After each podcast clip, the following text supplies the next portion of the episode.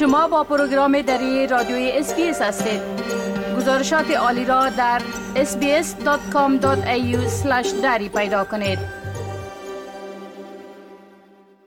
شنونده های عزیز حال همکار ما سام انوری درباره موضوعات مهمی که در این هفته رخ داده و در وبسایت ما هم انعکاس یافته معلومات میده در صفحه اینترنتی SBS با آدرس sbs.com.au دری هر روز مطالب جالب و دانستنی درباره موضوعات گوناگون نشر میشه. آقای انوری سلام عرض می کنم خب اولتر از همه اگر به صورت عموم بگوین که در این هفته در وبسایت ما چی موضوعات و مطالب نشر شده با سلام به شما و شنوندگان عزیز. خب این هفته جام جهانی فوتبال 2022 در قطر آغاز شد و فضای رسانه‌ای به خصوص در اس که حق انحصاری پخش رایگان جام را در استرالیا داره فضا بیشتر فوتبالی بود. جام جهانی فوتبال روز یک شنبه به وقت محلی قطر افتتاح شد و نخستین بازی آن هم بین تیم میزبان قطر و اکوادور برگزار شد که صفر دو به نفع اکوادور خاتمه یافت.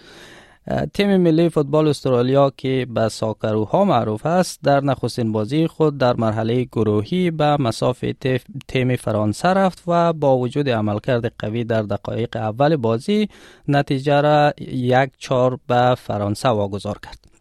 در این جام که تا 19 ماه دسامبر ادامه خواهد داشت در مجموع 64 بازی در 6 مرحله برگزار میشن و چنان که یادآوری شد علاقمندان فوتبال می‌تونند تمام این بازی ها را به صورت زنده از شبکه اس تماشا کنند. ما مطالب متعددی در مورد فوتبال در جریان هفته منتشر کرده ایم که شنوندگان عزیز ما می‌تونند اونها را در وبسایت ما دنبال کنند.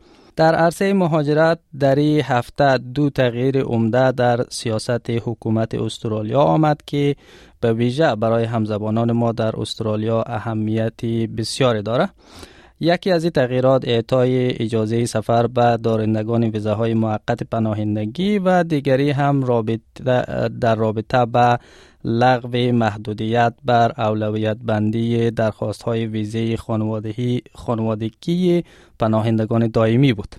جامعه هزاره ویکتوریا شام روز یکشنبه مراسم را به مناسبت چهلوم حمله خونبار بر مرکز آموزشی کاج در کابل در ملبورن برگزار کردند و در او بار دیگر از حکومت فدرال استرالیا خواستند که موضوع نسل کشی هزاره ها در افغانستان را به رسمیت بشناسد. ما گزارش در این باره و همچنین به رسمیت شناخته شدن کشتار هزاره ها به عنوان نسل کشی از سوی شورای شهر دندینانگ گزارش داشتیم.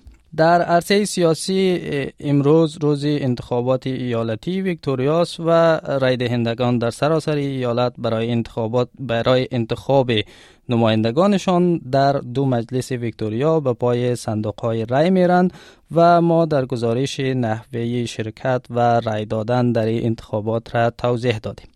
در سطح فدرال اتفاق مهم هفته تصویب شدن لایحه ایجاد کمیسیون مبارزه با فساد فدرال در مجلس نمایندگان استرالیا بود که انتظار میره در هفته آینده از صد مجلس سنا هم بگذره و رسما تبدیل به قانون شود. بله خب درباره دادن اجازه سفر و دارندگان ویزاهای بریجینگ و همچنان لغو سیاست اولویت دادن به بعضی از درخواست های آوردن خانواده ها به استرالیا گفتین که تغییرات دهی آمده.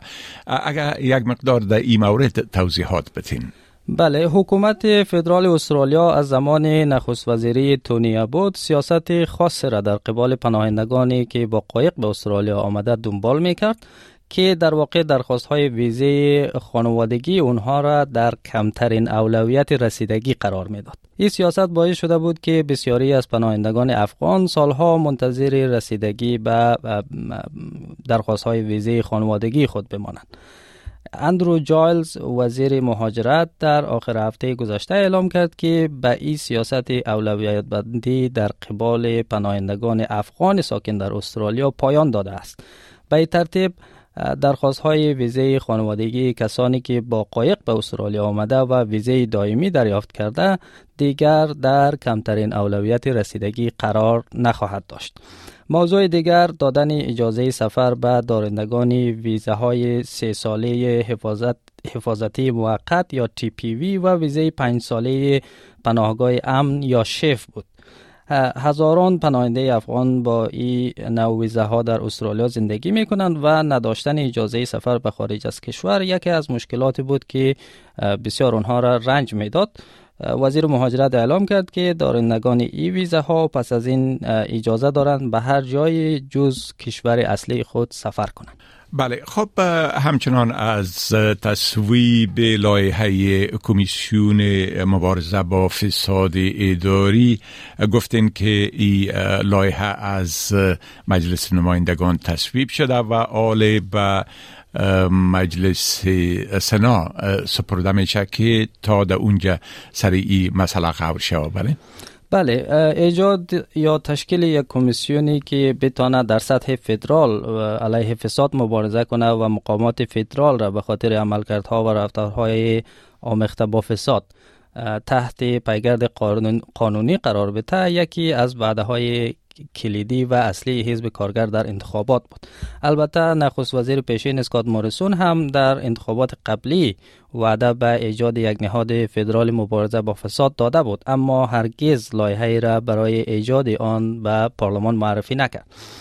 حزب کارگر اندکی بعد از به قدرت رسیدن پیشنویسی لایحه را برای ایجاد کمیسیون مبارزه با فساد فدرال تهیه کرد و روز گذشته تانست که همین نسخه پیشنهادی خود را با تغییرات خیلی اندک در مجلس نمایندگان تصویب کنم. یکی از نکته های جنجالی در این لایحه بند شرایط استثنایی برای برگزاری جلسات اجتماعی عمومی از طرف کمیسیون مبارزه با فساد بود. این بند به این معناست که کمیسیون مبارزه با فساد تنها در شرایط استثنایی می‌تونه که در مورد یک پرونده جلسه اجتماعی عمومی برگزار کنه. نمایندگان مستقل مجلس و حزب سبز ابتدا تلاش کردند که این بند را به کلی از لایحه حذف کنند. که از سوی حزب کارگر رد شد و بعدش هم تلاش کردند که حکومت را وادار کنند که شرایط استثنایی را در لایحه تعریف کنه. اما باز هم موفق نشدند و بالاخره حکومت کارگر که اکثریت کرسی ها را در مجلس نمایندگان داره نسخه پیشنهادی خود را به تصویب رساند. این لایحه اکنون به سنا فرستاده میشه و سنا هم برای بحث بیشتر روی لایحه تقویم جلسات خود را تا روز جمعه آینده تمدید کرده. البته که کارگر در سنا اکثریت کرسی ها را در دست نداره و برای تصویب لایحه به آرای حزب سبز و حداقل یک نماینده مستقل دیگر نیاز داره و باید دید که آیا موفق به تصویب الهه خواهد شد یا خیر. بله خب آقای انوری از این معلوماتتان یک جهان تشکر و فعلا شما را به خدا می سپارم و روز خوش برتان آرزو می کنم. تشکر از شما خدا نگهدار.